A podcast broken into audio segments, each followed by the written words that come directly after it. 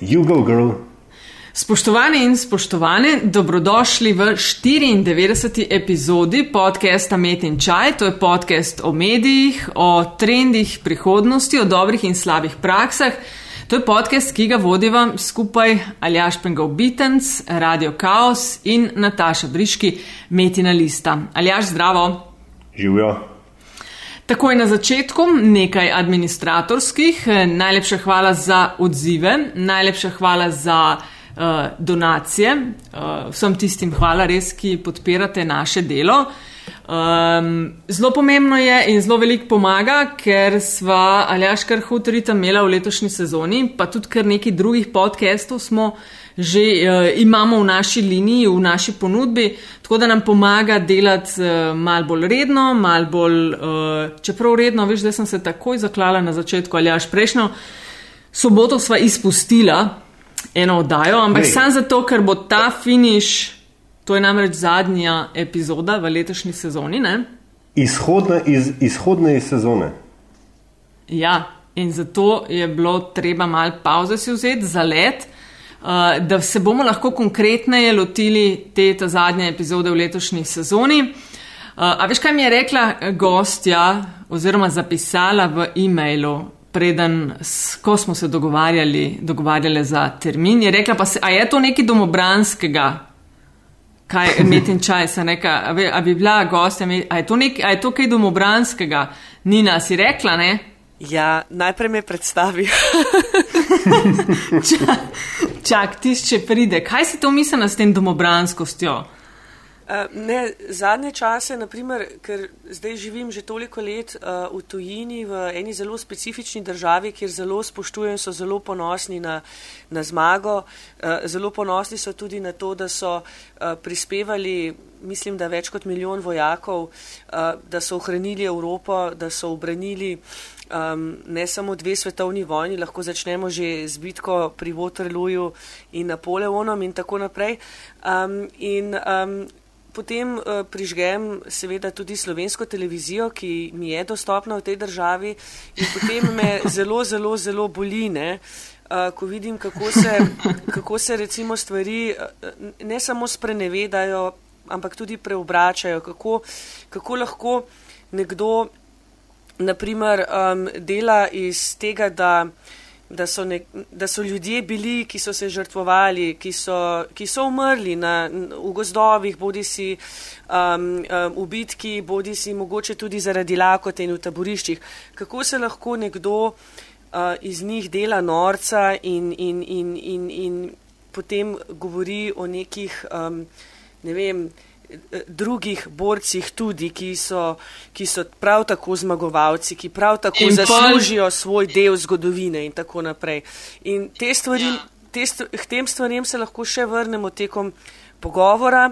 Um, zaradi... Po moje ne bomo, veš, po moje ne bomo. Mi bomo kar probali 2016 in dalje, veš. V.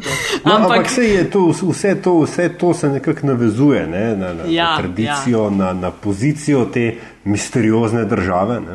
V, in pa pride mimo mail z vabilom na met in čaj, a je to nekaj domobranskega. ja, ne.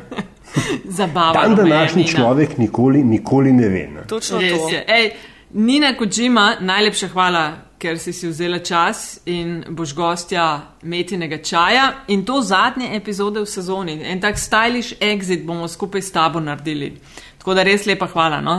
Zelo lepo odvaju in zahvaljujem se tudi vama za povabilo. Seveda sem z veseljem vajna gostja. O, lepo. Nina, eh, štartamo vsako epizodo z enim in istim vprašanjem za goste in gostje. To pa je, da se nekako umestijo v medijski prostor uh, in uh, povejo, kaj so v tem pogledu delali, počeli v svojem življenju, kakšna je bila njihova karijera. Tako da dej, dej se ti mal predstav tistim, ki te mogoče ne poznajo še.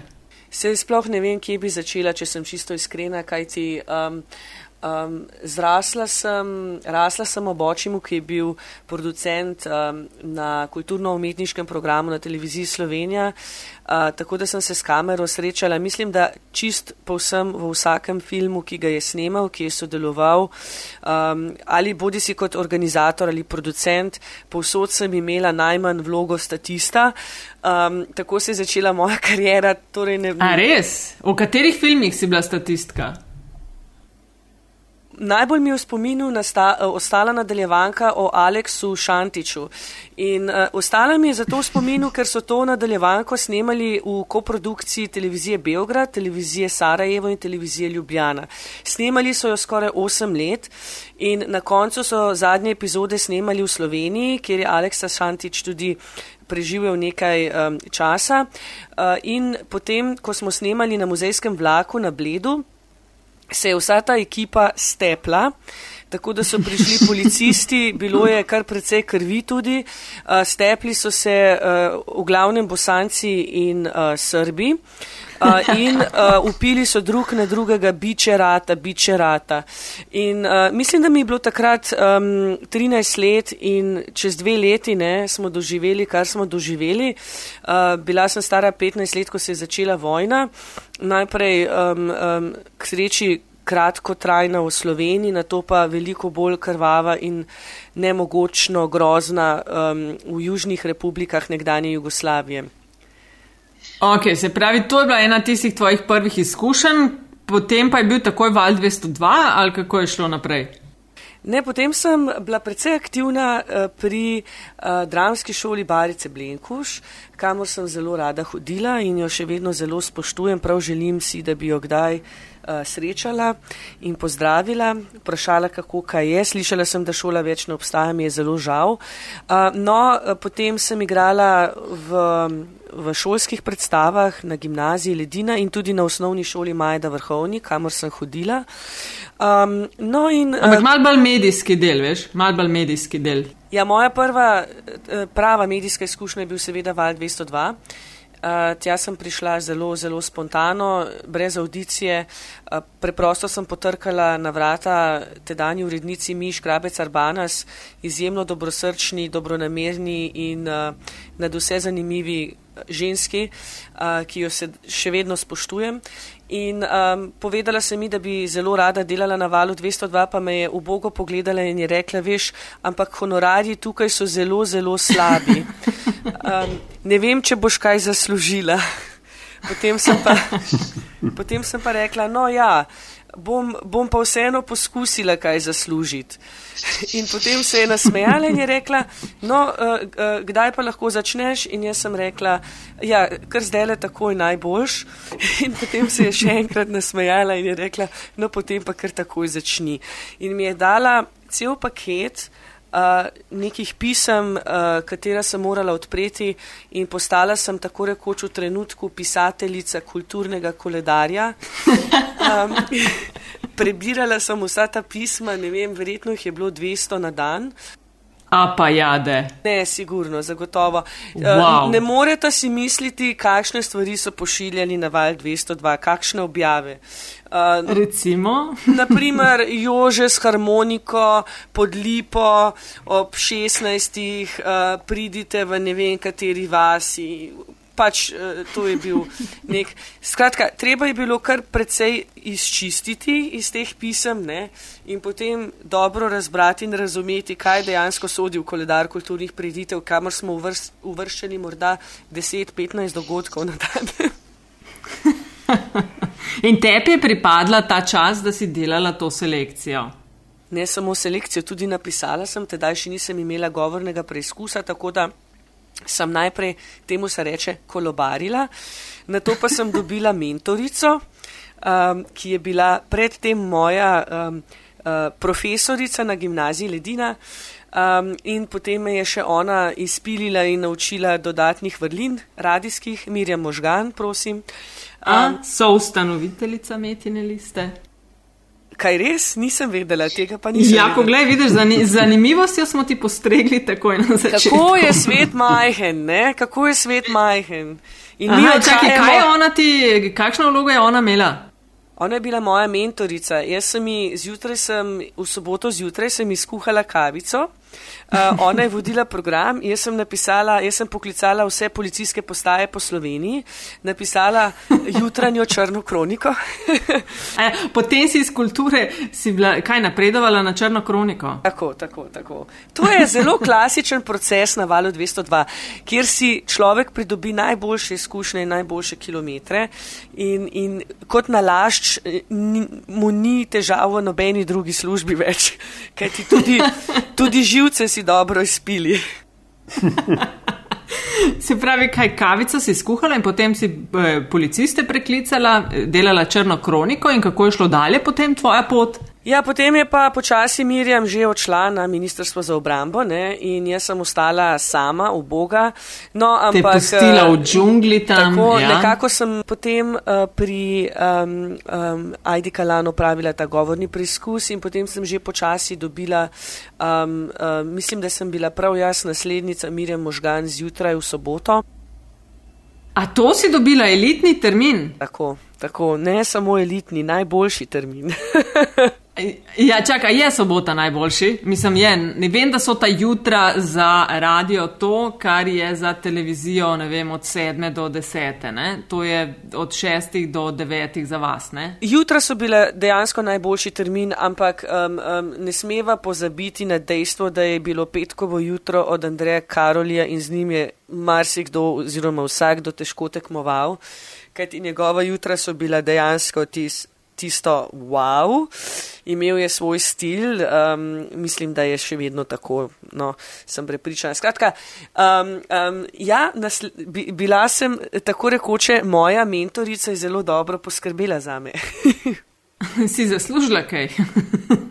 ne vem, ne vem. A to, jaz sem mislila, da je v tem pogledu, da, da si kakšno ekstra paying job dobila. Uh, niti ne, uh, niti ne na Val 202 imam kar lepe spomine, izkušnje in tako naprej. In, um, in morda mi je bilo prav hudo tistega septembra 2003, ko sem se od uh, tega medija poslovila. No, ampak vmes uh, med radijom, um, ko sem bila na Valu 202, sem dobila nalogo, da naredim prvo zgodovinsko, prvo študentsko vdajo na televiziji Slovenija. In če se lahko pohvalim, ta oddaja še vedno obstaja, sicer jo je kasneje prevzela televizija Kopar, študentska ulica. No in um, uh, naredila sem jo v koprodukciji z uh, Šovom. In uh, mislim, da dve leti so bili koproducenti, potem je pa oddajo popolnoma prevzela televizija. Uh, in uh, snemali smo jo pač v Ljubljani. In um, uh, da vaju zdaj vprašam nagradno vprašanje. Um, kdo, je bila, kdo je bila naša um, prva voditeljica študentske ulice, intelektualne Nina Kojima? Ah, kje pa. Lepo vaju prosim. Uh, čas, zdaj, zdaj pa moram jaz razmisliti. Ja. To je zihar, ki se torej, torej, intelektualna vdaja, študentska ulica, vdaja o študenti, študenti smo tam tudi privili uh, dekane in druge stvari. Kdo, torej, kdo je bila prva voditeljica, zgodovinsko prva voditeljica študentske ulice, vdaja, ki še vedno obstaja? Da nama kakšno prvo črko. R. Ne, čaj, ne, ne, ja. R, R. A, a, a ta oseba še vedno dela? Ne. Ja, zdaj se imenuje študentska. Prej se je pa imenovala. Ne, a, a ta oseba je še vedno na televiziji? Ja, je, je no, no, no, na televiziji ni, no, ampak je pa še vedno verjetno medijsko prepoznavna oseba. Pa na začne se na R, jaz se predam. Ali jaš se predaš tudi ti? Na R. Ja, riba, raca, rak. Prevo, predam se. ok, nocoj žal ne boste prijela nagrade. kaj pa je bila nagrada?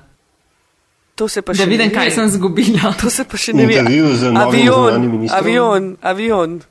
Avion družbe. No, dej povej zdaj, ajde, kdo? Rebeka Dremel.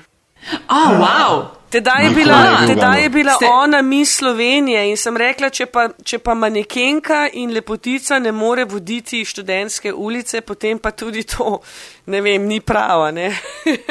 ja, a lepo ste, ste takoj na, tako nekoga znanga, da mal dvignete gledanost ne, in ste potem. Okay, Ti pa si da bila, se. Nina, si bila v bistvu pred časom s temi pristopi, ne? Ja, ja, ja seveda.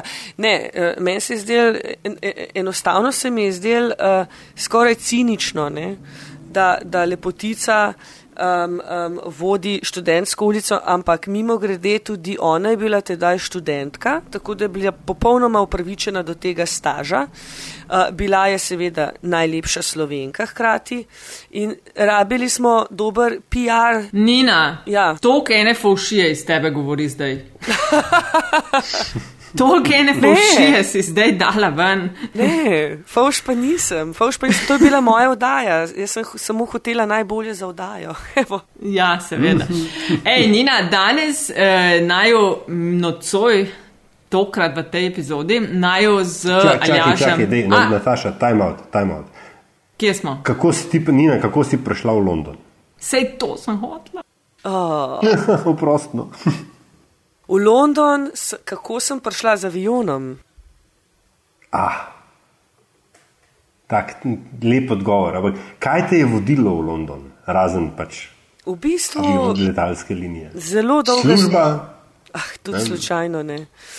Uh, ne, uh, v bistvu sem se poročila uh, z, z Japoncem, ki je britanski državljan.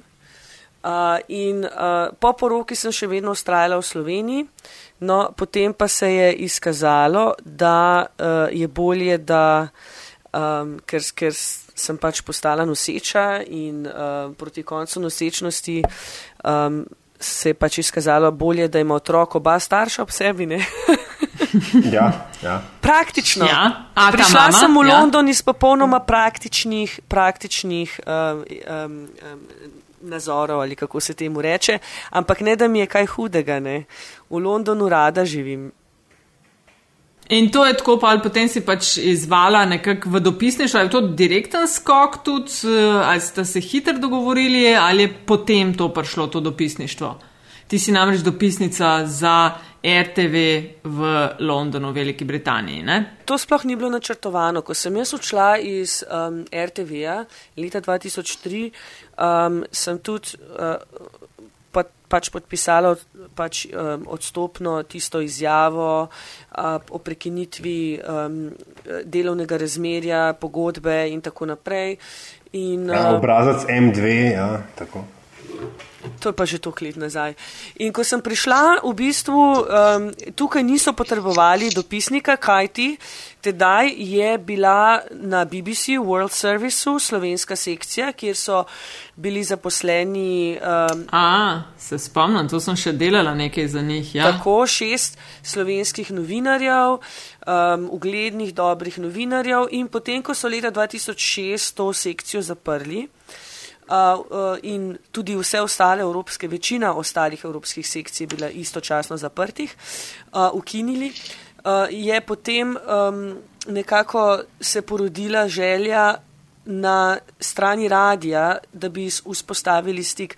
Ampak mislim, da je bil to bolj za to zaslužen en človek, Vojko Plevel, ki je bil urednik zunanje političnega uredništva na radiju, kajti on si je želel imeti stalnega dopisnika in um, uh, poklical me je, jaz sem rekla, ja, Vojko, lej, uh, uh, poizkusiva najprej, dej, dej vas si pol leta čez. Pustila si se, prosim. Tako, tako. Ne, ne, ne, ne, ne, ne. A ne. ne, ne, ne. Um, v bistvu nisem niti vedela, bom sama zmogla, ne, zato ker um, so me nekako zanimale tudi kakšne druge stvari. Um, Malo ma, ma sem si vzela časa za premislek v svojem življenju. Ne. No, in mm -hmm. potem radio je radio, ne. radio te potem potegne spet nazaj, saj, saj mene, jaz sem vsaj taka duša. Ne. No, in na kar ne, kaj se je potem zgodilo, ne. potem je. Um, um, um, so bile olimpijske igre leta 2012 in porodila se je potreba tudi na televiziji in uh, vzpostavila sem še potem stiki s televizijo in potem smo um, nekako se dogovorili, da bom zdaj uh, dopisnica za um, uradna dopisnica, kot so pač ostali dopisniki za televizijo in za radio. Ja. Lejnina, uh, kar bi zelo rada s tabo predebatirala in uh, je Aljaš mi večkrat, uh, ko smo iskali termin, je rekel, Veš, tako sva bila malo že nestrpna, tako sva si želela tega pogovora. Je rekel, da je vroče, da kar peče, a ne ali aš. Uh -huh. uh, teme Brexit in uh, vloga medijev bi radi mal pri tem uh -huh. predebatirali. Uh, zdaj pa Ljaš ja. izvoli navali. Ja, ne. Uh... Brexit in, oh, mislim, uh, Boris Johnson je zunanji minister, super je, genialno. Ampak, Nina, najprej mislim, da moramo mi postaviti okvire našemu pogovoru, ne, se pravi, tema Brexit in vloga medijev in tako dalje. Ker uh, čeprav v neki splošni zavesti veljajo britanski mediji kot uh, tako najboljši od najboljšega, kot najslabši od najslabšega, uh, mogoče vendarle, glede na to, da si zdaj naš človek v Londonu, da je mečken mogoče opišeš, kakšno vlogo in kakšen vpliv družben imajo mediji, pa mogoče, da še to da razdelamo a, razlika med tiskanimi mediji, med tako zvanim Fleet Streetom, ne, ki to več ni, in pa, in pa a, televizijo predvsem. Ja, prvo kot prvo. Um... Mediji so politično opredeljeni v Združenem kraljestvu, um, pa tudi lokalno opredeljeni in lokalno je spet povezano s političnim. Uh, lahko, zakaj sem to izpostavila? Predvsem zaradi uh, težav, uh, ki so zdaj nastale. Um, vsi vemo, da so Škoti množično podprli nadaljne članstvo v Evropski uniji, prav tako Severni Irci. Um, tudi časniki na škotskem so bili pač bolj uh, naklonjeni Evropski uniji, um, časniki v Angliji pa ne in v Velsu. Um, tako kot pred splošnimi volitvami, ko časnik javno napove, podprl bom to in to stranko, ne? a bodi si, da je to njegov od časnika lasnik ali pa tudi ne. Kajti, naprimer, Rupert Murdoch ima v lasti um, Times in časnik mm -hmm. Times se je naprimer v lansko leto pri splošnih volitvah odločil, da bo podprl popolnoma drugo stranko kot tak isti časnik um, v njegovem um, lasništvu, mislim, da je Daily Mail, ampak sem pozabila. Skratka, gre za neko tako uh, uredniško politiko tudi, ne, ki se odloča, ne zgolj. Um, Morda upošteva lasnika, morda tudi ne. Težko je, težko je vedeti, kaj ti tudi mediji so hiša kart. In tudi mediji se dejansko poigravajo z navadnim človekom, z navadnimi ljudmi. In to, kar se je zgodilo sedaj v času kampanje uh, Brexita, je za mene kriminalno dejanje. Mediji so manipulirali uh, z ubogimi, navadnimi ljudmi, predvsem s tistimi, ki so najmanj izobraženi, ki prihajajo verjetno z najnižjega družbenega sloja in kot vidimo, kaj se je zgodilo, kako so se odločili. Um, poslušali so ljudi, ki so jim ponujali meglo v oblakih, ki potem niso imeli nobenega načrta. Kaj potem, kaj po Brexitu, na koncu so bili pa še nagrajeni za to, kot smo se naučili v primeru Borisa Johnsona. Ne? On je dejansko en fenomen. No, um, in fenomen za filozofa, za Slavoja Žižka, on bi ga lahko dobro upodobil in opisal v svojih. Zdaj izzivam Žižka. No. Um, tako, no, um, ja. mediji so dejansko, naprimer, če bi bila jaz osebno urednica nekega časnika Daily Mail, ne bi dovolila, da bi sploh omenjali, kje ima Nigel Farage kampanjo in kakšne noboloze razlaga. In, in, in kako napihuje in kako natolcuje. Sploh novinarjem bi rekla, pozabite, ne hodite tja, uh, ignorirajte njegove shode, ker, ker, je, ker je brez veze, ker je brezpredmetno. Ne? Ampak to se ni zgodilo. Ne? Mediji so hodili naokrog, poročali tudi BBC, tudi BBC, ki naj bi bil um, najbolj neutralen. Ne? Hodili so naokrog, poročali uh, vsak, o vsaki neumni zgodbi, bolj neumni, da ne bi mogla biti. Um, in tako so si pač um, ti ljudje, ki so potem nekako ti angleži, ki so največje volilno telo v državi, so se potem odločili tako, kot so se, jasno. Ne? A veš, kaj si omenila, sem to ali až sem s tem, da uskočam, kaj si omenila BBC, ne? Uh, jaz moram reči, da sem tudi precej razočarana nad njimi, ne govorim pa zdaj, kar se tiče poročanja na temo Brexita, ampak eh, prijavljena sem na njihove breaking news tvite. In me dejansko, zdaj ne vem, če vidva isto dobivata, ampak me dejansko velikrat glava boli, kaj vse mi pošljajo. Gre za, ne vem, en, dva, včasih, zdaj, ki je bil Brexit, je bilo malo več tvitev oziroma teh sporočil dnevno, ampak to so bile tako brezvezne stvari, ne vem, razpravljajo o tem in tem, bomo videli, kaj se bo zgodilo, veš, nič, nič od nič. Ja, dobro, okay, BBC je ipak v osnovi še vedno britanski medij, ne, ki, ima, ki ima globalno. Ampak, Nina, aj mogoče Zdaj, pač, ki si to omenila, ne, to bom, bom rekel zelo amaterski pristop, ne, če, če je zelo poenostaven, k, k pokrivanju kampanje. Ne.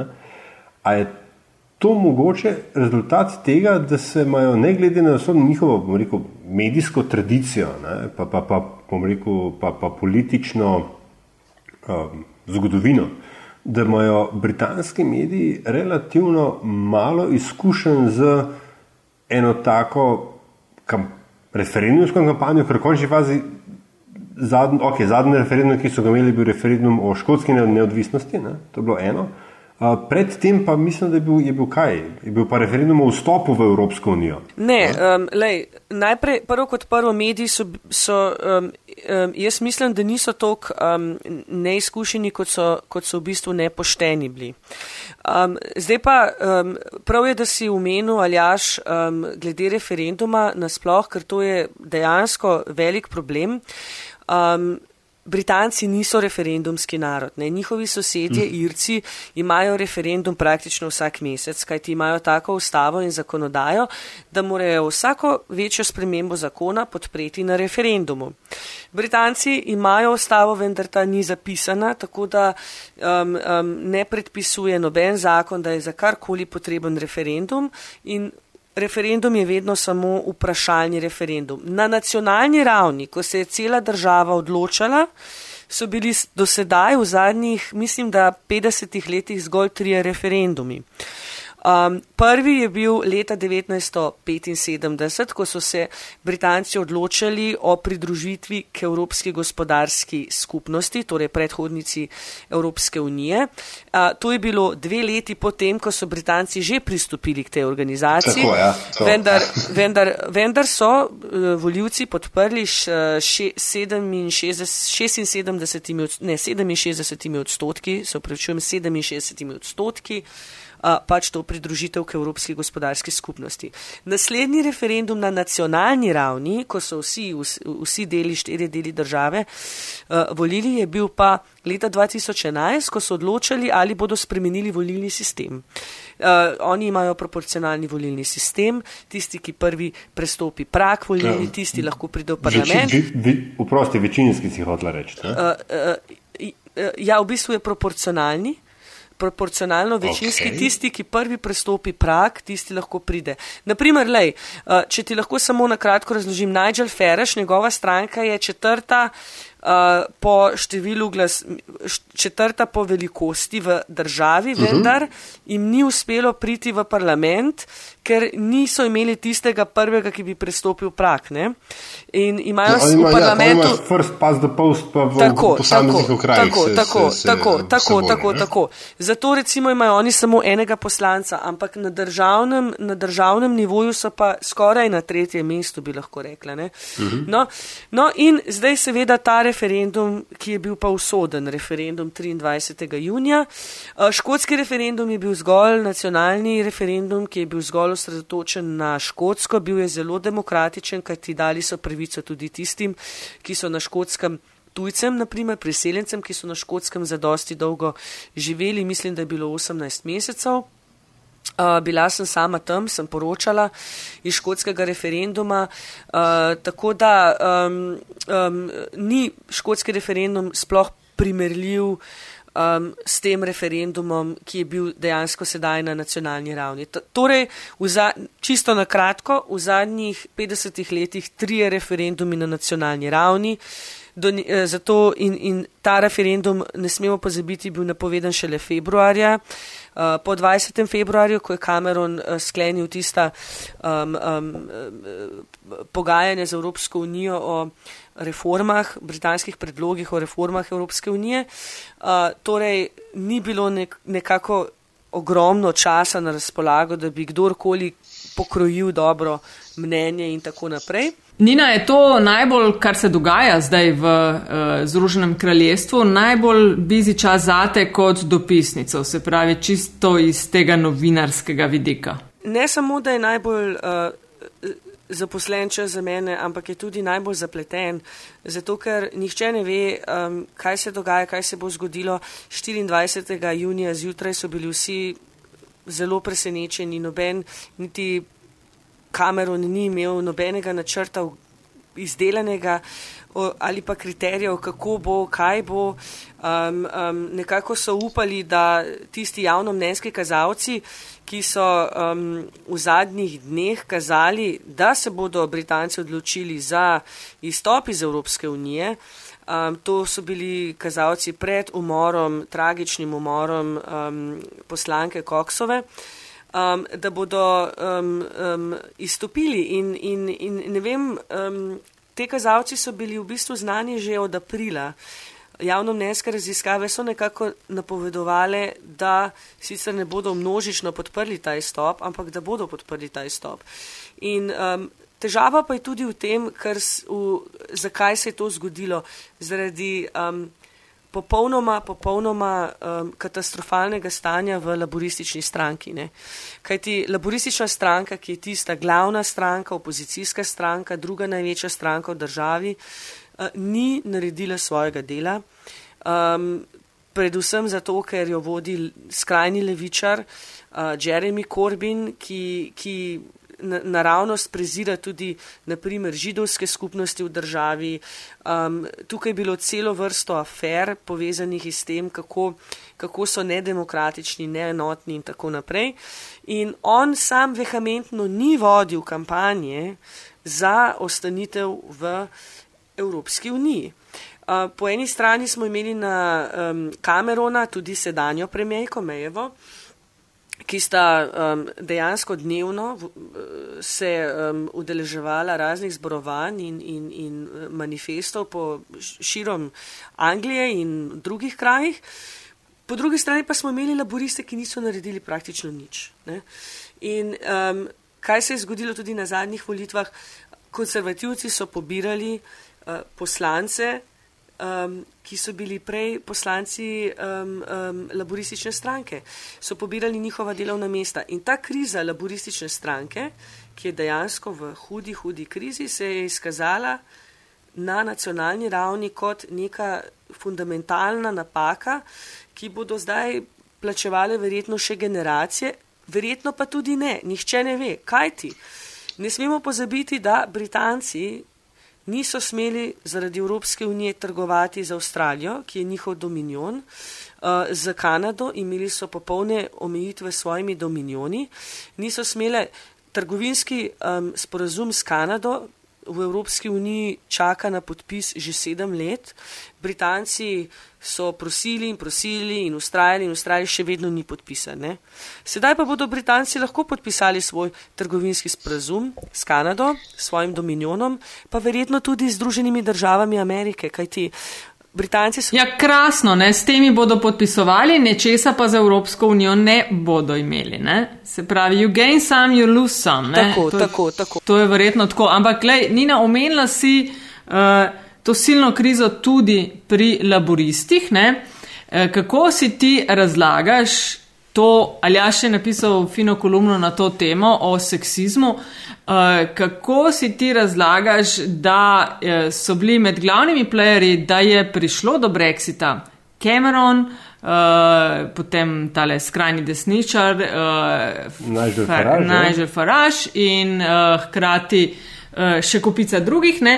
potem pa, ko je bilo treba, ko se je zgodilo, kar se je in je bilo treba reševati, so po, vrst, po vrsti odpadali in pri laboristi in so ženske stopile v prvi plan. Ne? Zdaj imamo britansko premijejko, drugo po uh, Margaret Thatcher. Ne? In isto se sliši zdaj iz tabora laboristov. Ne? Spet govoriš o silni krizi, o tej brezidejnosti, o rinjenju z glavo skozi zid, ne? spet aha, bomo, bo, ne vem, ženska reševala. Kako si ti to razlagaš? Um, Jaz si razlagam zelo znanstveno, zato ker so pred, tukaj v tej državi um, univerze upravljajo veliko, veliko teh raziskav. Um, no, na najbolj različnih področjih. No? Ampak konkretno vaju bo verjetno presenetila raziskava, da so pred štirimi leti prvič v, življenj, eh, prvič v zgodovini um, so ženske prehitele moške v doktoratih in prvič v zgodovini so imeli število diplomantk za tri petine večjo kot število diplomantov. Ne? Za katero leto še enkrat so ti podatki? To je, bilo, to je bila um, um, objav, uh, raziskava, je bila objavljena pred štirimi leti. Uh, mislim pa, da je Uni University of East Anglia, da je upravila to raziskavo. No, um, verjetno v Sloveniji to ni tako domače, ampak tukaj je to velik problem. Namreč, če je ženska na čelu podjetja, pa tudi če to podjetje zaposluje 50 tisoč ljudi, ima zato, ker je ženska, manjšo plačo, kot bi jo imel naprimer moški, ki, je, ki bi bil na čelu istega podjetja z istim številom ljudi. Samo zato, ker je ženska degradirana. No, stvari pa se bodo zdaj očitno morale precej spremeniti. Uh, seveda samo želim si in upam, da, da bi um, sedanja premijejka te stvari tudi postavila v red, kajti um, naredila je že nekaj zanimivih potez, namreč, kot kaže, bo polovico vladnega kabineta um, bo mesta dodelila ženskam. Skratka. Um, Me prav zanima, katere, uh, katera ministerstva bodo ženske dobile. Ja, um, um, lahko, lahko ti povem, da um, je zdaj že, zdaj je že pač eh, relativno vse znano. Um, v zadnji uri, ko se pogovarjam z vama, seveda nisem sledila, ampak lahko pa vam povem, da um, je naprimer. Um, Mislim, da ministrica za šolstvo. Se to je bilo bolj tako, ja, seveda, za šolstvo, za vreme, pa za kulturo bodo, pa za socialo. Ja, ne, za prvo, za, prosim, ja. lahko, za, mi imamo ministrico za pravosodje. Ne? Ja. to je tako, da ne, si. Mislim, bo, ne, ne, se vem, ampak gre bolj za to, tisto tudi, kaj, o čemer si ti ali aš pisal in, in govori o tem. Ampak ja, odpirajo se neka vrata, ki do zdaj mogoče niso bila tako zelo na stežaj. Odprta, tako, tako, tako, to, to, to je vsekakor, to je vsekakor res, ja. kar si povedala. Naj pa še to povem, ne, da um, dejanski spopad, ki bo v tej državi um, in dejansko krojitev, ki bo, bo zdaj med tremi ženskami. Ne, pa ne med laboristko, če bo sploh prišla na, na, na, na sedež vodje laboristične stranke. Um, to seveda ne vemo zdaj v tem trenutku, kajti um, laboristi so dejansko s tem, kar počnejo, delajo samo uslugo konservativcem, da bodo lahko vladali še deset let. Um, ampak v prvi vrsti je seveda kraljica, uh, ki ima še vedno kljub svoji starosti dominantno vlogo, se sploh ne zavedamo kakšno, ker ona se vedno samo smeje in lepo je oblečena z lepimi klubuki, ampak v ozadju je to dejansko uh, ženska, ki, ki še, vedno, še vedno narekuje in kreira. Uh, potem Mejeva, ki, ki je pač uradno britanska premijejka sedaj. In pa Nikola Sturgeon, predsednica škotske vlade. Mm -hmm. Kajti ona je tista, ki ja, ja. je določala državne meje. Ne Teresa May, britanska premijeka in ne britanska kraljica Nikola Sturgeon je v tem kontekstu postala eden izmed najpomembnejših členov britanske politike in morda najpomembnejša ženska v državi. Pa se v njej zelo malo sliši, ne? Niti ne, niti ne. Ona, ne. ona ima pa škotsko nacionalno stranko. Jaz mislim, da se prvič v zgodovini škotski nacionalni stranki s tem programom, ki ga imajo, odpira možnost, da postane stranka na nacionalni ravni. Da lahko pridobi sedeže.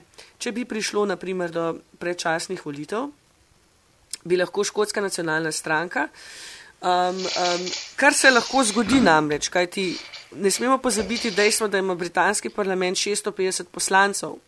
In od teh ja. 650 poslancev je samo 200 poslancev takšnih, ki podpira Brexit. Ostali so proti Brexitu, vključno škotsko nacionalno stranko. In ko bo, naprimer, Mejeva predložila um, zakon o Brexitu v parlament, se zelo lahko zgodi, da bodo poslanci dali veto na ta zakon, sledila bo naprimer razpustitev parlamenta in predčasne volitve. Kaj ti dvomim, to je eden od scenarijev, dvomim, da bodo poslanci v tej krizi izigrali svoje voljivce in dejansko potem podprli Brexit. Ne? Tukaj, imamo, tukaj se približujemo veliki ustavni krizi Združenega kraljestva, največji po um, letu 1215 in Magna Carti. Um, kaj ti ne gre samo za um, um, um, krizo politično, ampak gre za krizo razpada imperija. In, in ženska, ki bi lahko ta imperij skupaj povezo, povezala, ni kraljica, temveč Nikola Sturgeon. Zanimivo. Uh, okay, ampak recimo, ne, da se mi večkrat zdaj vrnemo nazaj na, na uh, vlogo medijev samih, v, v pač post-brexitovskem šoku in analizah, je, bil, je bilo zelo velikrat uh, podarjeno, da je ta podlaga, ne, da ta podlaga seveda ni od včeraj, ni, tudi ni od pred petih let, ampak da je bila 20, 10, 20 in več let počasi, počasi nalagalo uh, uh, skozi pač poročanje, poročanje, predvsem tiskanih medijev o Bruslu, ne, kot, kot leglo vsega zla, uh, o, o nekih celinskih evrokratih, ki nam, pač Britancem, ne, krujijo življenje, ki se upletajo v, v posle uh, nekoč velikega imperija. In v končni fazi ima veliko vlogo pri tem tudi Boris Johnson kot uh, dopisnik, zdaj pa pozabo sem ali telegrafa, telegrafa ja. iz Brusla. Ne, uh, ki je, ki je nekako, ne, pač to so bile neke teze, zastavo vsta um, bad, bad Brussels vibe ne, in poročal o direktivah o ravnih bananah in pravilno oblikovanih kumarah in tako dalje. Ne. Zanemaro pa vse ostalo, kar je Evropska unija naredila s tem, ko je razvijala skupne trge. Ja, zdaj um, jaz bi tukaj upozorila na dve strani. Naprimer, mi Slovenci gledamo na Evropsko unijo seveda uh, bolj bogovsko, kot pa uh, Britanci. Ne. Kaj ti Britanci mhm. se počutijo, um, jaz se upravičujem na izrazu, ki ga bom uporabila, ampak nategnjene. Ne. Kaj ti mhm. oni, oni so se pridružili Evropski gospodarski zvezi, um, bili so med prvimi v tem klubu, ne, elitnem. In um, njih je zanimala dejansko samo trgovina. In če pogledamo njihovo zgodovino, ne, kako so oni osvajali svet in kako so, recimo, če se vrnemo v leto 1910, ko so imeli četrtino zemljske, zemljskega, um, zemljske oble. Ne. Ne. Ko, ko sonce nikoli ni zašlo nad britanskim imperijem. Ja, ja. Tako, tako. A nisi to diplomirala ali magistrirala, Nina, iz te teme? Tudi Magna Carta in to. Si, pravi podatki, poglej, ozna, sve dozna. Tako je. No, hvala, hvala. No, in naprimer, ne, naprimer um, oni, oni dejansko so bili že takrat, tedaj, ne, um, um, um, z, um, znani kot trgovci. Njih je zanimalo trgovanje, njih ni zanimalo, da bojo, da bojo zdaj podjarmili, da bodo ubijali, da bodo morili in usiljevali vero. Oni niso nikoli šli v Indijo usiljevati svoje vere ne, ali pa v Pakistan. Oni so, njih je zanimalo samo trgovanje. Uh, pridite k nam, če želite. Um, tudi v Združenem kraljestvu nasplošno ni nekih večjih, ne vem, verskih nestrpnosti. Ne.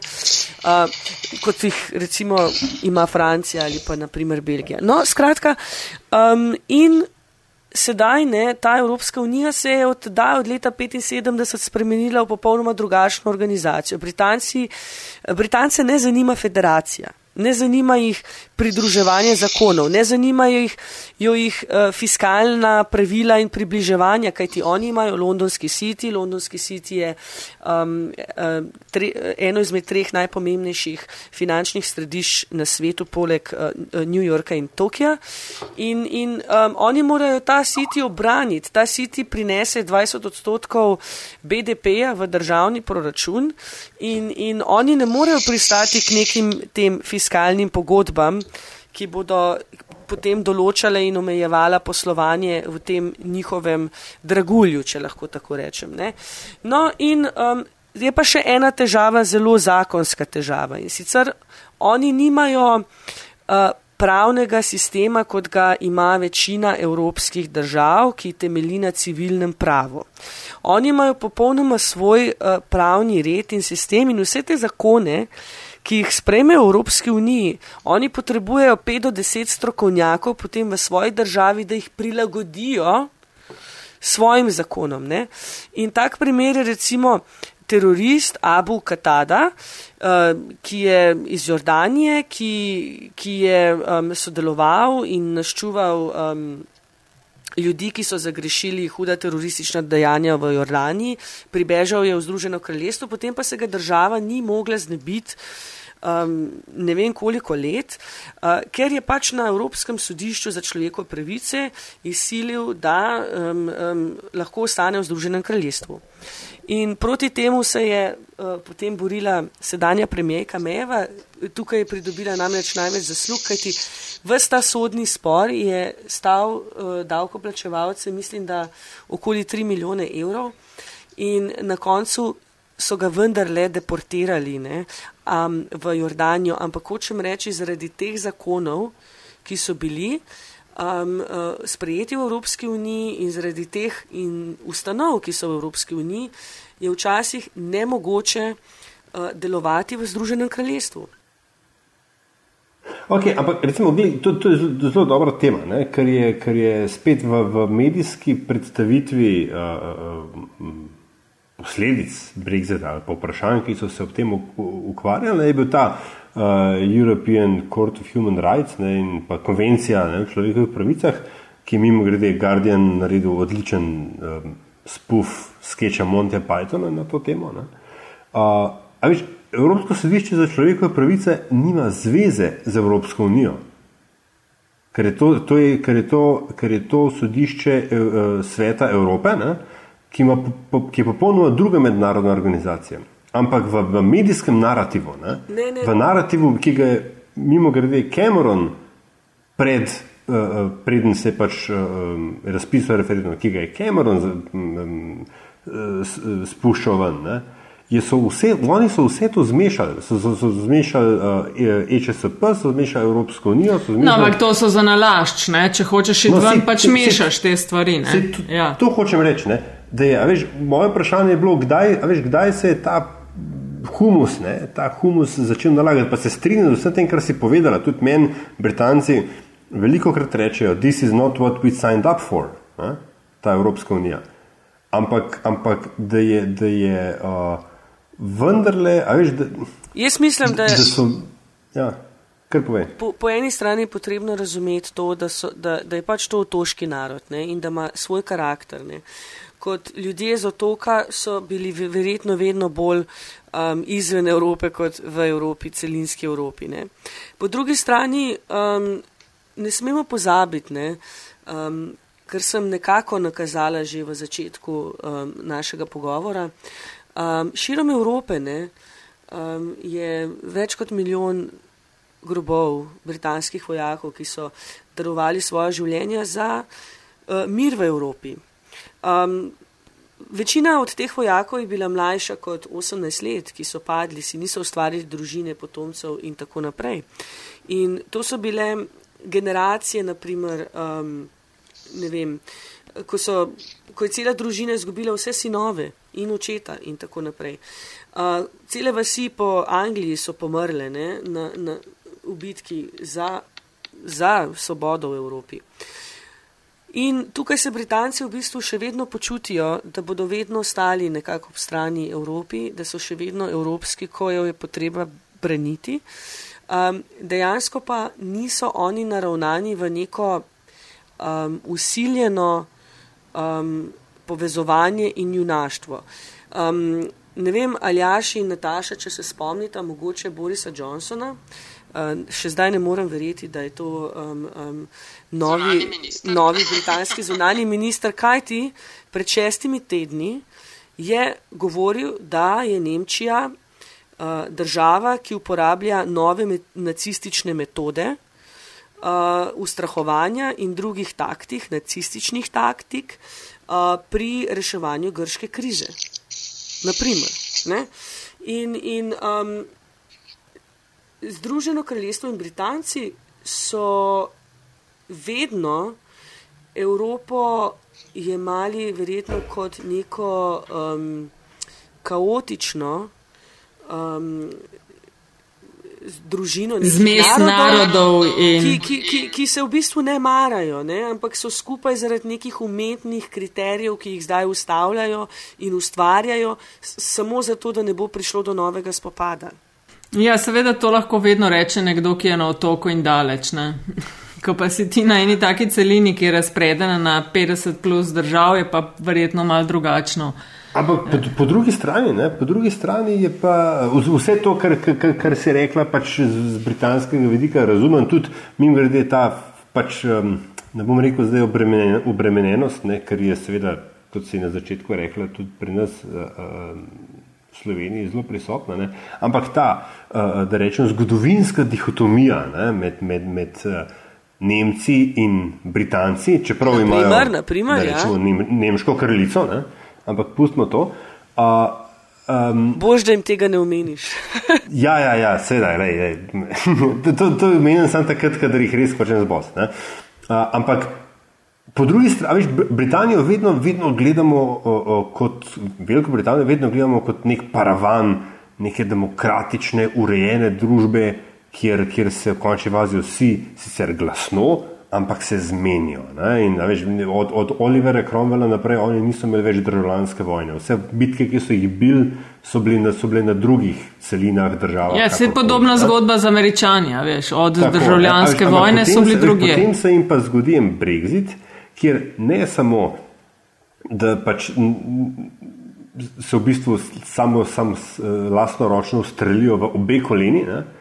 De, dejansko jim, jim, jim, uh, uh, nekdo jim ustreli jim, uh, uh, poslanko, uh, v, v roku enega tedna jim razpade cela vlada, obe stranki sta bili sredi državljanske vojne, so svoje notranje, ne, vse skupaj. Da, da, da niti pazi, aljaš, da niti ne omenjamo poraza proti Islandiji. No, na sej, evro. Ampak njihov futbol je na nacionalni ravni že od nekdaj katastrofa. Ne? Ja, Ampak, a viš, da, da niti ne omenjamo ekonomskih posledic Brexita, ki so tu, ne? ki to niso samo, vendar se izkazuje, da to niso samo neke, dnev, neke dnevna nihanja na trgu. Viš, kak, kaj je, in, in viš, spet se vračam, ne? viš, kure jajce, ne? mediji, koliko so mediji ta humus posejali ali položili, koliko, ali ga in po tvoji oceni, a so zdaj, ko, so, ko je ta šok mimo, a so mediji kaj boljši, a so kaj bolj samo kritični, a mogoče kaj vejo, kaj so narobe naredili, pa poskušajo zdaj popraviti. Tudi slučajno ne. Ja. ne.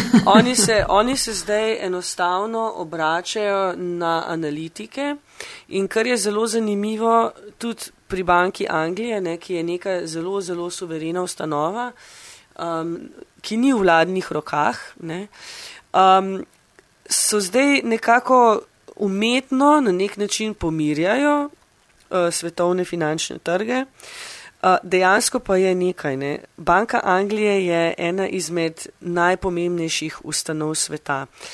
In sicer ta servisna finančna industrija, ki jo ima City, je tako ključnega pomena tudi za Evropsko unijo, da bo tukaj pri stopnih pogajanjih Evropska unija zelo, zelo pazljiva kako bodo oni um, izpogajali, kaj ti tudi, naprimer, Slovenija. Ne? Slovenija se je zadolževala preko Londona. In uh, vse, vsi, to, vsi ti naši slovenski dolgovi ne, uh, bodo seveda pod vplivom tega, kaj se bo dogajalo v prihodnosti na finančnih trgih. Ne.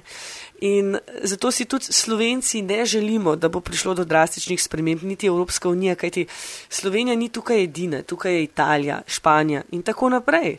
Vsa ta zadolževanja so šla preko Londona in, in, in um, zato, zato bodo v Evropski uniji zelo, zelo, zelo previdni.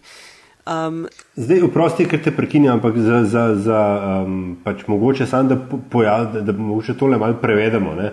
kaj pomeni, da so šla zadrževanje preko Londona. Če te spravo razumem, to pomeni to, da so banke, ki so v investicijske ali pa karkoli banke, ki so v, v Cityju, da so one organizirale um, sindikat, kot se temu reče, in uh, izvedle, ja. dajo obveznosti ja. in tako dalje. Ja. Te, te skladi so seveda mednarodni skladi nihče ne ve, kdo je lasnik teh skladov. Um, težko, bi bi, težko bi ga bilo izslediti, kajti teh lasnikov je verjetno več, več podjetij in tako naprej. Ampak vsi te skladi se obnašajo glede na razmere na svetovnih trgih. Ne? In ker je pač London uh mhm. -huh. eden izmed treh glavnih svetovnih trgov, poleg New Yorka in Tokija, uh, se bo usoda tudi Slovenije obračala tukaj ne? V, v skladu z Brexitom. Ne? Jaz sem recimo 24. upravila zelo veliko pogovorov v Sitiju in vsi so mi rekli, ja, morda ne bo tako slabo, kaj ti. Banka Anglije je ena izmed najpomembnejših bank na svetu in oni imajo za to pripravljene mehanizme, kako bodo krotili krizo. Seveda, um, kriza pa bo doma in, in seveda tudi v tujini. Ne. Doma bodo verjetno um, v naslednjih mesecih morali znižati temeljno obrestno mero. Um, to naj bi se zgodilo sicer že danes, ampak vendarle um, Mark, uh, Mark Carney tega ni um, sprejel, uh, guverner Banke Anglije. Um, pa vendar. Če je kanadčan, mimo grede, ne? Tako je, tako je. No, in če dovoliš, če dovoliš zdaj, da, da pridem k temu tvojemu Sorry. temelju vprašanju um, medijev sedaj. Mediji sedaj se spet obračajo k tem ključnim, kdo, kdo smo mi Britanci, kje so naši dominioni. Ne? Uh, mi potrebujemo, zakaj nismo mi povezani z našimi dominioni, s Kanado, z Avstralijo, z Novo Zelandijo, ki so mimo grede uspešne gospodarske države. Uh, zakaj, zakaj smo mi um, um, toliko let, desetletji zapravili v Evropski uniji, ki se je skazala za neuspeh? In jaz bi bila zelo v bistvu um, previdna, ne, ko bi govorila o uspehu Evropske unije, kajti Evropska unija dejansko res potrebuje temeljne reforme, ne, temeljne reforme. In, in, in tisk, tisto, kar je Britance najbolj motilo, ne, in to predvsem zaradi svojega um, političnega sistema, ki ga imajo, je to, da so na ta najvišja mesta v Evropski uniji, na komisarska mesta in tako naprej, izvoljeni ljudje, ki tako rekoče um, imenovani ljudje, ki niso bili izvoljeni ne? in ki so prišli po neki politični poti. In, in to pa je recimo v britanski vladi nemogoče, ker ti si lahko, naprimer, um, um, zunanji minister šele, ko si poslanec in če tvoja stranka zmaga in če ima večino v parlamentu, potem si lahko poslanec. Tudi v Sloveniji, naprimer, je to mogoče, ne? da ni potrebno, da si ti poslanec, da si lahko zunanji minister ali pa, ali pa, um, ali, ali pa katerikoli drugi minister. Lahko, lahko si celo premije, pa nisi izvoljen v parlament. Veš, kaj bi bilo v bistvu pa zanimivo, verjetno tudi zavideti, ne, kakšna je, ne vem, kaj bolj naplavi neke pametne pa kompetentne ljudi, ker vemo, da če želiš, da si danes izvoljen, govorili smo nekaj o populizmu, ne, potem streljaš takšne, kakršne danes populisti tipa Trump, Johnson in tako dalje streljajo. Ne. Seveda si izvoljen, ampak a je to to, kar iščemo? Ne vem, evo, le. Jaz osebno ne, ampak očitno Johnson ima za sabo ljudi, ki. Johnson je en, um, en res poseben primerek v britanski politiki, kajti v nobenemu politiku v tej državi, v kateri živim, ne rečemo v imenu. Ko govorimo o, o Johnsonu, rečemo. Ti, Boris je pa to rekel, ne? Boris je pa to naredil, Boris je pa, a si videl danes Borisa? In vsi vemo, kdo je to. Ne? Ampak pri Kamerunu pa je bil premijer, nismo mogli reči, hej, David je pa danes um, se srečal z Barakom, ne? ker noben ne bi tega razumel. Čeprav sta Barak pa David znani imeni in vsi vemo, kam, uh, vsi trije se strinjamo, da je to vehementno jasno, ampak tukaj v našem pogovoru ne bi bilo. Boris ima poseben status, jaz ne vem zakaj. Um, mene taki ljudje ne morejo prepričati, ampak on dejansko ima za sabo množice, on je kot nek brumer Napoleon, nek kvazi fič firič, ampak ljudje mu sledijo in ga poslušajo in ga čestijo, ker ko je Boris kot župan Londona padel v blato, je bilo to na naslovnicah vseh časopisov. Ko sem jaz padla v blato, me noben še pobral, ne bi pa pogledal. Ker bi David Cameron padel v blato, noben ne bi o tem poročal. Ne? No, verjetno bi, ampak, ampak bi David Cameron ne bi politično preživel. Ne, ne vem, ne vem. On je neka, on je neka fenomenalna enigma. Ne? Mimo grede, če vam oh, lahko nekaj ja, zaupam. Ja, oče Borisa Johnsona, Stanley Johnson, je izjemen ljubitelj Slovenije. A, in je, tako, ja, in je v ja. Sloveniji ja. skoraj vsako leto na počitnicah.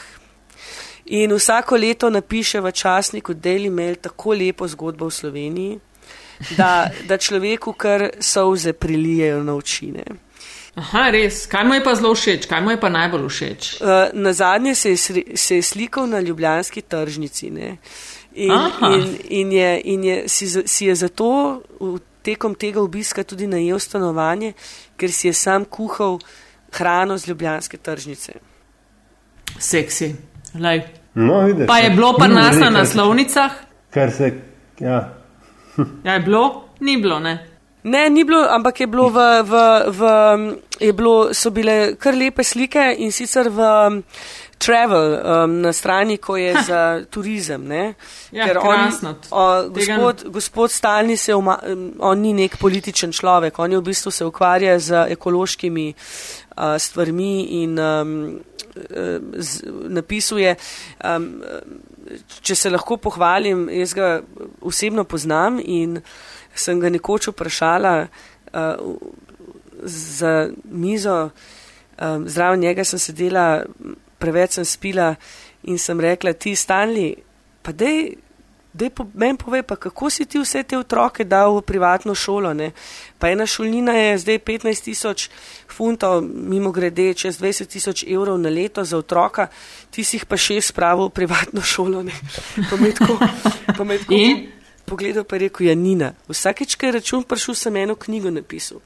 In pa sem jaz, bila sicer že precej rdeča od vina, ampak sem postala še bolj rdeča, uh, verjeten, ker nisem vela, da je on tak pisatelj. Tako da uh, kdorkoli zdaj to posluša in si lahko pogoogle Stanja Johnsona, fenomenalen uh, novelist je, pa tudi velik, velik um, um, dobronamernež v boju za ekološke spremembe in podnebne spremembe. Uh, um, vodi številne kampanje in zbira denar za ogrožene afriške države. No, ni mimo grede ne, glasoval za obstanek v Evropski uniji. Ne?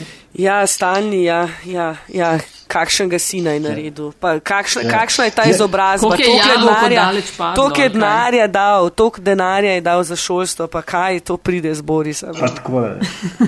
ampak, ampak se, a veš, za Borisa so iti govorili, da on v bistvu da je bil za izstop bolj zaradi politične kalkulacije, kot bi on to res hotel. Ne? Ja, to so govorili, ja, ampak jaz mislim, da so bili.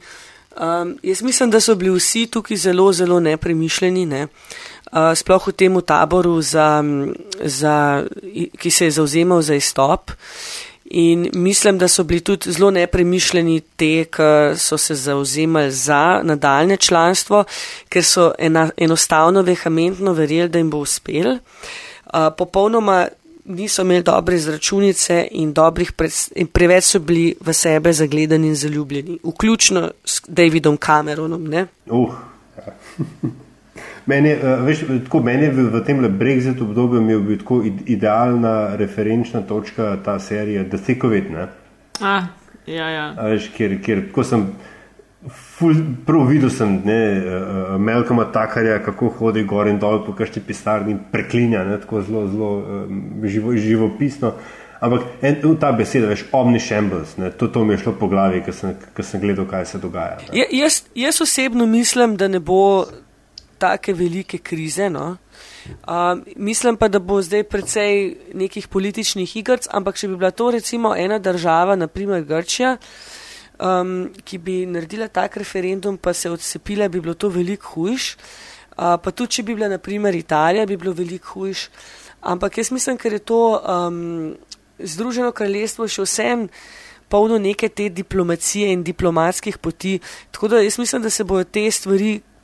Relativ. Da ne bo kakšne hude štale, kot se je uh, dalo ali čutiti ali pa vedeti takoj v prvih dneh po Brexitu. Ne, lej, odgovori trgov, finančnih trgov so bili, so bili jasni, oni so to že vnaprej napovedali, izgubili so za, za eno uh, vrednost uh, bonitetno oceno, kar je čisto pošteno, treba jih je malo kaznovati, kaj se to prav. Uh, ja, potem ja. po drugi strani funt je padel, ok, meni je zelo žal, ampak.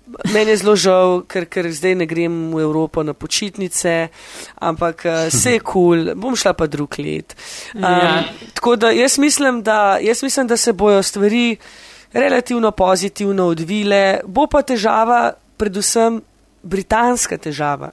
Zato, ker tukaj bo problem, kaj zdaj škoti, oni zahtevajo, da so zraven pogajanj in mhm. zahtevajo, da se njim ne oduzame statusa izstopa iz Evropske unije. To sem te hotel vprašati, ne? ali bo Združeno kraljestvo ostalo združeno?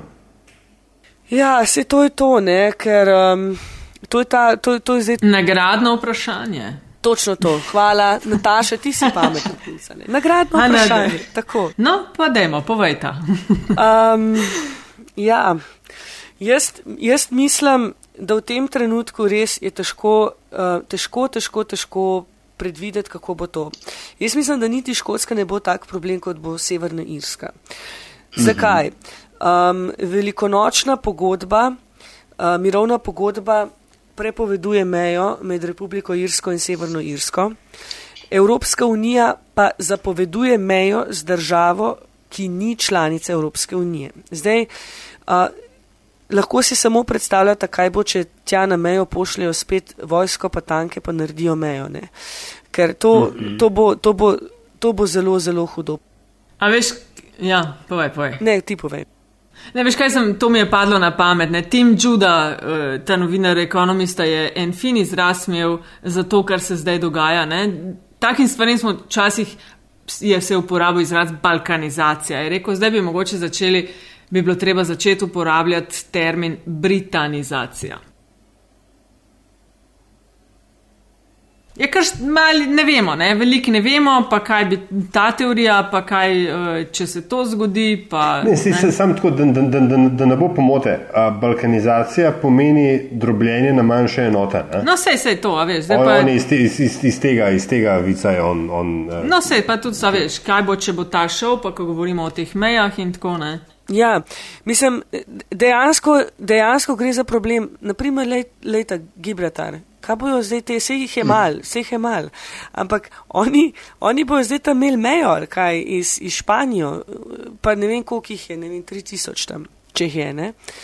Um, ali pa naprimer Jersey, to je otok, ki je čisto ob francoski obali, ker se ljudje dobesedno tja plavajo, pa grejo po vino in, in ostale stvari, in, in kjer tisočletja tam, po mojem, ne, um, vlada trgovanje in kaj bo zdaj. Ne. Tukaj, tukaj je cel kup enih teh zelo, zelo senzitivnih vprašanj. Najve, najbolj cinično, če lahko rečem, prav cinično pri vsem tem je pa to, ne, da je Združeno kraljestvo prvič v zgodovini povezal škotski kralj James VI, ki je podedoval Anglijo in, in Irsko. Ne. In um, to je bilo v 16. stoletju, ne, preden smo Slovenci dobili svojo prvo natiskano knjigo. In um, zdaj bojo pa ravno škoti, ne, tisti, ki bojo verjetno ne, začeli za to popolno devolucijo in razpadanjem Združenega kraljestva. En exit. Um, a veš, da je to strašno zanimivo je, no, poslušati, zaradi tega, ker veš, kad ti, ki tam živiš, pa to že koliko let zdaj že živiš v Londonu? Uh, od leta 2003. Si mi za nalaž to rekla, da moram računati, ne 13 let. 13 let. Ja. Skratka, okay, veš. Pridn, pridn, ja. Sam še eno, eno stvar bi rad, bi rad pretestiral. Uh, danes, potem ko je Božo, Boris, uh, postal zunani minister, je najprej bil cel, cel šok, ne, češ, zdaj je pač človek, ki komaj da pokaže Afriko na zemljevidu, naš zunani minister. Uh, po drugi strani pa je še ena par drugih uh, liverjev oziroma brexitarjev ne, dobili pomembne, pomembne pozicije v, v vladi Teresa May. A je možno, da jih ona v bistvu zdaj politično nalaž izpostavlja, zato da bodo zdaj oni odgovorni za pogajanja o brexitu in da če ta propadejo, da bo pač tako raz, za nazaj razrušila celoten mit uh, Britanije, iz, iz, iz, ki lahko preživi v Evropski uniji. Mislim, Leon Fox je pač zdaj uh, je minister za Brexit, uh, David Davis je. Ne, o, skratka, te, te ta glavni so zdaj. Jaz bi v zvezi s tem imenovanjem samo potrdila to, kar si ti že prej rekel. Ne. Rekl si, Aljaš, da Boris Johnson ni v resnici verjel, da je potrebno v bistvu iti iz Evropske unije. In zato je ona njemu dala ta mandat. Ne. Ker če bi bil on tisti, ta pravi brexitaš, ne, potem tega mandata ne bi dobil. Ne. Mhm. In pravi brexitaš tukaj je bil poleg znanega Ferža um, še Michael Gove, ki je dobil nogo ne, danes in, in, in, in je mogel se petati. Pa ne zato, ker je on kandidiral za, um, ker je bil eden izmed tekmecev za to mesto, ne, za vodjo konservativcev in premijeja, ampak ker to je bil tudi um, gospod Fox, ne, uh, ki pa tudi ostaja, ne, ki je dobil zelo prestižni um, naziv za, poslov, za poslovno ministrstvo, za In, in um, jaz mislim, da je ona samo pač, ona ve, kaj se je dogajalo v zakolisju, ona ve, kdo je tisti resnični brexitaš in kdo ni. In mi si zdaj lahko samo gledamo ne, dejansko um, ta odgovor, koliko jih je dejansko verjel v brexit. In vidimo, da teh 51 odstotkov ljudi, ki je podprlo brexit, so bili, kot sem rekla, prej nategnjeni. Ne. Ker um, ti, ki so jim obljubljali, ti, niti slučajno niso bili srce in dušo pri Brexitu. Ne? Kaj čas, ja. Eh, da gremo proti exitu in sezone ja, in tokratne epizode. Mečkan bo daljša, ampak nekje moramo potegniti črto. Strašno zanimive stvari, Nina, res. Um, in vedno smo pol na koncu z gostom pri eni zanimivosti. Vsakega vprašamo eno in isto vprašanje, in to je, da z nami deli neko zanimivost, anegdoto, zgodbo, nek košček informacije, za katere ocenjuje, da bi utegnilo um, občinstvo zanimati eh, in je pripravljen to deliti. Jaz sem Nina ti poslala, ne, sveda to v mailu. Tako da si ti čist redi stedi in si mi takoj odgovorila in naštela ene 20 ali ne, a če to, a če to, a če to ne. In še vedno in ne vem kaj. A? Prosim. In še vedno ne vem kaj. Ja, rekla sem vse, ne? A veš, rekla sem vse, napisala si, ok, eh, obožujem restauracije, lahko ti povem top 3 spote, kje jesti v Londonu oziroma kje je do znani Londončani. S ja, tem lahko to. mogoče začnemo. Ne? No, kje so Tako. top tri spoti? Za mene, number one, Zuma, Knightsbridge, to je um, moderna japonska. Uh, number two, sexy fish, samo um, medtem ko ješ, um, plešajo tudi razgaljene deklice. Um, number, to imam še posebej rada. number three, Children Firehouse na moji ulici, lasnik je Andrej Balaž, znani hotelir in fenomenalna hrana. Čak, malo povej v redu, fenomenalna hrana, malo koliko je to, kaj, eh, koliko funtov pa tako moč biti redi, da greš v te restauracije, še mogoče ta podatek. A moramo zid kredit, kaj Ali treba pa, tako? Ja, kreditno kartico, prosim. Aha, ok. Dobro. Potem se hvališ, da poznaš kar nekaj znanih ljudi, ne? Um, ne, ne hvalim se, ne, to pa ne. Se hecam, ne, veš, da ne. Um, lej, tale mi je tudi zanimiva, ne, kdo od slavnih stanuje v tvoji soseski? Ja, no, uh, v moji soseski sicer zdaj ne stanuje več, ampak občasno še stanuje Madonna. A, nehi. Opa. Tako da si jo tudi videla, nabasala na njo na ulici. Še nikoli v življenju, ampak um, uživo ne. Uh, okay. Potem Gaj Riči. Wow, Čakaj, še kar imate v isti ulici? Uh, ne, ne, ne, ne, ne, ne, ne, ne, sploh ne, sploh ne, ampak še vedno v isti soseski. Uh, Aha, nje, okay, njega ja. sem pa večkrat videla v Punchbowlu v pubu, ki ga je imel, ga je že prodal. Um, potem um, blablabla, uh, Stani Johnson, ki sem ga že prej omenila. ja. uh, potem. Um, Ja, David Cameron ne več ne. ok, on je bil tudi, ja, tako rekoč. George Osborne ne več, ampak uh, še vedno pa. Uh, Ok, no pa, pa to povej tudi. Ne? Tukaj ali ne si res zanimiv, sem ti rekel, da to bomo še sam po vrsti. Kako si prijateljevala s Kiferjem Sutherlandom iz nadaljevanke 24? Ojoj, to, to, to je pa ena taka zmešana zgodba, um, se ne vem, če bom uspela strniti v kratek čas, ampak skratka, um, spoznala sem ga v eni um, v klubu, ker so oba dva člana kluba. In on je takrat snimal v Londonu nadaljevanko. In jaz pa nisem vedela, kdo to je, ne? ker jaz teh televizijskih nadaljevank ne gledam, v bistvu ne zdržim. Jaz se spomnim, kam jo je moj mož enkrat kazal, ampak te nadaljevanke, taki, takih nobolos jaz ne morem gledati. No, skratka, in on je bil zelo prijazen in se je pogovarjal z mojo prijateljico in moja prijateljica je bila čisi sebe in je potem rekla, ti ja veš, kdo je to. Ker on je, on je šel pa samo po um, ogen, ker je rekla, če ima ogen za cigaretne. Oh. In sem jaz rekla, ne, ampak je čist nikako, tako da me sploh ne zanima. Pa je ona rekla, kaj? Rekla, moj mož je rekel, da je to edini moški, ki ga lahko z njim prevaram. Pa se je rekla, kaj? Iz tem le, če cefizel nam, ne?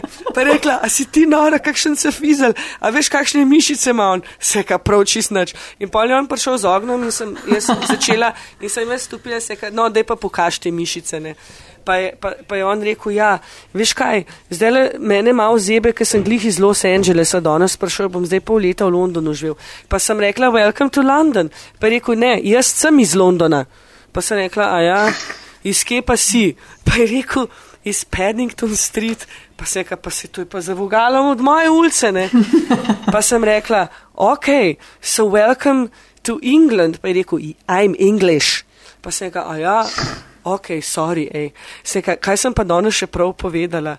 Pa je rekel, lej, res ne vem, ne, ampak me pa res obživce spravljaš, ne, ampak dober, um, lahko pa spijemo zdaj eno pijačo skupaj. No in skratka. Na koncu ne, sem potem povedala mojemu možu, kdo je to in moj mož je bil tako navdušen, da sem mogla naslednji večer takoj z njim ne, v ta klub in se kale Kifr zdaj klele stanuje gor, ne, ima stanovanje in je potem, um, um, sem ga predstavila mojemu možu ne, in je moj mož bil totalno, totalno navdušen, da je on s Kifrjem ne, in potem sem jaz premišljala, ne, mogel bi biti obratno, ne. Ja, sigurno, absolutno, se strinjam, seveda, ne, to navdušenje bi točno to moglo jeti v drugo smer, ja, tako da. Ja, zelo mi je všeč ta tvoj pristop, tako. Ja. Lej, uh, super, lej, bonus, bonus zanimivosti za, za zaključno epizodo. Ljubitelj kot ljubiteljica čevljev, koliko jih imaš? A veš, a ti lahko nekaj zaupam. Zdaj po, po slovensk vama obema Aljaš in Nataša zaupam, zaradi tega, ker moj mož tega ne bo slišal pa razumel. Jaz imam tok čevljev, da imam določene škatle v prtlažniku od avta, ker, sem, ker se jih ne upam prenesti noter, ker tudi nimam prostora, da bi jih imela v svojem stanovanju, pa nimam mehkega stanovanja. Tok čevljev imam. Nehi, se hecaš. Ne, ne, tudi slučajno ne, po prvic povem. Fetiš na čevlje, da jih kar v prtlažniku okol prevažaš. Še dobro, da nisem na Filipinih. Ne, ne, ne. ne. Um, ena zelo, zelo uspešna, um, svetovno znana dizajnerka Roksanda Linčič, srpskega rodu. Um, Samantha Cameron je ven prišla, ko se je poslovila z Downing Street 10, včeraj v njeni obleki. No, um, jaz Roksando osebno poznam in ona je meni rekla, pa daj dolazi kod mene. Uh, uh, uh, uh, in mi je zrihtala ta popust, ki ga ima za svoje manekenke. Ne. No, uh mhm. -huh. in sem jaz kupila tam pa nje, ne vem, po mojem deset parov čevljev, in potem je njen mož Filip od Roksande rekel: Ti, Nina, a, kako, a so bili toši všeč čevlji, se kaj Filip ti vod. On sploh ne ve, da mi nož daj to rekel pred njim za te čevlje. Ne. Pa je rekel, ja, kva, kam, kaj si pa naredila z njimi? Sem rekla, v prtlažniku so, ne, pa z njimi so krok po mestu vozil. Pa dobro, če rekel, to tako skriveš, pa pol sploh nosiš, a to sam kupaš. Ne, nosim, seveda nosim, pa me popraša, ne, a, ti, teh čevljev pa še nisem videl. Zdaj pa jaz rečem, ti spet Klasika. Ti Pa spet tudi rečeš, buksar, pa pa se jih imam že deset let, ne. Nisem jih nosila zdaj le deset let, ne. Seveda. A ja, ja, Lepa. točno, a ja, točno, a ja, točno prav. Lepe taktike, joj, kako so znane. Uh, evo, pa še tole, uh, ta zadnjo, ta zadnjo. Povej, kaj ti je povedala Judy Dench o premiere, o premieri filma Filomena. Meni je ona ena najljubših igralk. Pa Maggie Smith, pa Maggie Smith. Meni je, Maggie Smith ne poznam, ampak Judy Dench je pa meni. Downton Abbey, Downton Abbey. Ja, je ja, Maggie se vem, se vem. Meni Ja, je ona, okej. meni je ona, Judy Dench je meni res, res fenomenalna. Jaz sem do nje prišla, uh, pa sem rekla, joj, Judy, jaz pa vas toliko obožujem, ne. Jaz, a se lahko z vami slikam, ker to je pa meni, ne. Pa, največja ironija je, ne, da jaz nisem niti na, na Instagramu, Twitterju, da bi jaz to delila. Jaz imam to pol za sebe v svoji sobici in gledam to sliko Nina Kojimaš, Judy Dench in tako naprej. No, skratka, in, um, in je rekla, ja, seveda ne. In jaz sem mislila, da bo to tako stvar, ne vem, petih, desetih sekund. Jaz se z Judy slikam in rečem, kako je fenomenalna, ker je res in da grem. Ona se je pa pa začela kar z mano pogovarjati in se je pogovarjala in potem en moj mož kaže tam, ne, pa dej, pa dej pet, ne, koliko si ti neuljudna, ne, klej premjera, ona je imela tam svojo mizo, ne. Za to mizo so pa sedeli sami, sami, ne vem, 16-letniki, 17-letniki, taki lepi fanti. Sem pa pol, ko so se pogovarjali, ona mi je razložila najbolj osebne stvari, ki jih znam zdaj ne. In um, ona meni Kaj pol, ste se pogovarjali o krčnih žilah? ne, ona je meni povedala, da je ona slepa. Uh. Ja, ona je meni povedala, da ona sploh več ne vidi in zato je pol to dala odpoved za James Bonda. Aha. Ja, in vse mi je razložila, ne. Potem sem pa rekla, no, ampak Judy, me pa veseli, da ste pa s takimi, takimi lepimi fanti klele, ne. Je pa rekla, ja, to pa z moj vnuk, pa njegovi prijatelji in se mi je tako dobro zdel, da je Judy Dench prišla na premiero svojega filma in s svojim vnukom, ki je bil takrat star 17, 17 let, je bil na koledžu in še vedno jo spremlja. Tako da tisti mladec, ki ga opaste zraven, Judy Dench je njen vnuk in ona je prišla tja z vnukom in šestimi njegovimi prijatelji. In je Lepo. ona. Genialno. Ja. In je ona vedno tako obdana s temi mladimi ljudmi in vedno nasmejana in tako prijetna in topla oseba. In res, uh, z njo sem privilegirano se počutim, da sem se z njo pogovarjala sigurno pol ure, če ne več. Oh, wow, to pa je orang minutaža. Res. Dobro se znajdeš, je Bentiš, lej, dobro se znajdeš. Kiefer Sutherland, Judy Dench, who is next? Oziroma, oni imajo srečo, lej. Oni imajo srečo, da obrnemo malo. It's a small world. Ali ja, še bi dodal kaj, zaključimo, lej. Ja, Kdor bom je prišel do sem, je bil nagrajen. Upam. Ja, ja. Da, jaz da, da jaz bom sam tako rekel, še dobro, da nisi dopisnica iz Kostarike. Evo. Wow. Uh. Ker, Koga- ker bi te bilo čiš, ker bi te bilo čiš, škoda bi te bilo za tja. Kako si prijazen, hvala. Ej, Nina, uh, hvala ti lepa, no, uh, ker si nas uh, razveselila z vsemi temi podatki in uh, delila ta insight o Brexitu in tem, kaj se dogaja v Združenem kraljestvu. Zelo, zanimive podatki in vsebina, res. Aljaš in Nataša, hvala tudi vama. Seveda vam želim lep pozdrav v Evropsko unijo. Ja, Čakaj, domobranski že, po, čakaj, ne pozdrav. pretiravi, zaenkrat smo še skupaj. Zaenkrat smo še skupaj. Ja. Tako da, Ker ti ne bi že kar odpisala, kar odpisala Ja, bi že. Premijejka, premijejka je danes rekla, ne, da, da, ne, da, Ne bo noče, šlo da jih tako hitro, silimo, ne? Da, Ja, no- ja. da jih silimo ven. Ne, Tako da Tako ne si misel, nič ne boš prehiter Ja. šla. A, veš. a imaš britansko državljanstvo? Ne, tudi slučajno Še. ne. Tudi na kraj pameti Ja, mi ni padlo. to veste, da niso smeli Britanci, da Britanci, po, če 15 let ne živijo v pač UK, da izgubijo volilno Ja. pravico? Ja, Ja. ja, volilno pa ne. A, Ja, jaz je pa nimam, pa že 13 let kležim. Ne, evo. A je, a je bil pa referendum fair? Ni bil. Ne, tudi slučajno ne. Ampak jaz nisem hotla zaprositi za britansko državljanstvo, ker moj mož je britanski državljan, moja otroka sta britanska državljana. Um, jaz pa nisem hotla zaprositi, ker sem rekla, le, jaz sem slovenka, ne, pač živim, kjer živim, ne, ve, nikoli ne veš, mogoče me bo na Mars poslal, kaj pa veš, ne, A veš, stvari se dogajajo, ne, stvari se dogajajo. In, in zakaj bi zdaj prosila za britansko državljanstvo? Ampak, kot kaže, bom to primorala. Moramo mogoče malo v akcijo stopati, Ja, ne? ne, ja, veš, ali pa, veš kaj, vedno je dobro, da ima eno v familiji državljanstvo Evropske unije. To je, a? Ja, pa se ga ima tako in tako, lej, ko si slovenka, se imaš dvojnega pol, pa a veš, uporabiš tisto, kar ti pride v tistem trenutku. Ja, ker ne veš, koliko jim bo šlo na noro. A bojo, A to je pa tudi res, ja. ja, ja. To, to bo še cel, res. lahko bo še cel rock and roll. Ja, nagradno, pa Ej, še eno nagradno, ja. Ja, Nina, super je bilo, sploh ta, bom re, mislim, res uh, angliški, britanski in londonski input. a Veš, kaj mi, mi kle pač dobimo sfiltrirane informacije, ki so že pač na pol v pač nek, nek frame dane. Ne? ja. Tako da, full hvala. Ej, hvala vam. Lep pogovor za exit od tretje sezone uh, podcasta Met in Čaj. Z nami je bila Nina Kojima in Aljaš Pengov Bitens in Nataša Briški. Um, Aljaš, že veva, kdaj se naslednjič vidimo? Ja, v četrti sezoni, ne?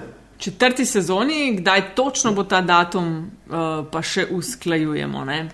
Uh, tako da, Eh, produ- Šefi, šefi v mreži se še eh, Ja. razmišljajo o tem, kdaj bo sezona štartala. yes. tako da lepa, lepa hvala vsem, uh, ki ste bili z nami, ki ste delili naše zgodbe, naše uh, pogovore. Uh, ki ste prispevali cekinček v naše, uh, um, kaj se reče, cekinček v naše prašičke, joj, prašički, ja. in Nina, oprosti, jo še tole moram, lej prašička, ki sem omenila. Uh, veš, da si prišla na rolanje po sceni, ne? Mladina, veš, s katero izjavo? Um, Ti ja. bom kar citirala. V resnici o, o svoji poroki na elitni lokaciji na Brdu pri Kranju je gospa Nina Simonič Kođima povedala. V resnici sem želela bolj preprosto okolje, nekje na travi v naravi bi obrnila prašička. Sem kot ena pastirica. to, tlej, kaj smo v par prašičkih bili. Oprosti, ja. se ti ni neugodno, ne? Ne, sploh ne. Uh, ja, to sem dejansko res izjavila. Uh, si dejansko rekla. Aha. dejansko v prispodobi, seveda, ker že od 13 leta ne jem mesa. Uh, tako, da, tako da prešička bi sicer obrnila za koga drugega, za sebe ne. Um, Hotla sem pa sam povedati, ne, da, da sem, ne vem, jaz sem bila zelo vesela, da sem se na Brdu pri Kranju poročila, bilo je čudovito, lepo, nepozabno. Uh, mislim, tako, tako, ko so tam priredili, to se sploh ne da povedati. Ampak, ne, jaz sem zelo ljudski človek, ne, to sem hotela povedati. Ne. Ja, Jaz veš, da. jaz, jaz, zame je tudi harmonika na travi, ne, pa Aha. par šotorov naokrog čisto ok. Vem, samo slučajno se zgodi, ne, da pol je pač to. Ja, le, vse je v redu. Uh, zdaj pa res mogoče še čas, da nehamo. Nina, hvala, ful. Hvala vama. Spoštovani, Hvala ti.